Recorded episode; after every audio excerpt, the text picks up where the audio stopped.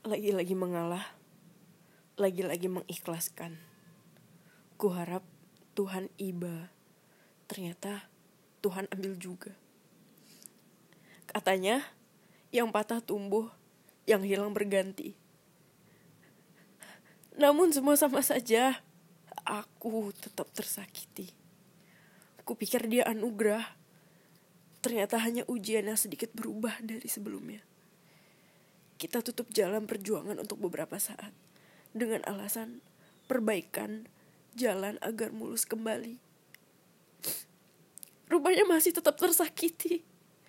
Masih ada luka yang belum teratasi.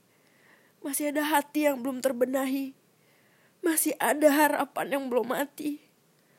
Maaf, hati belum bisa disinggahi.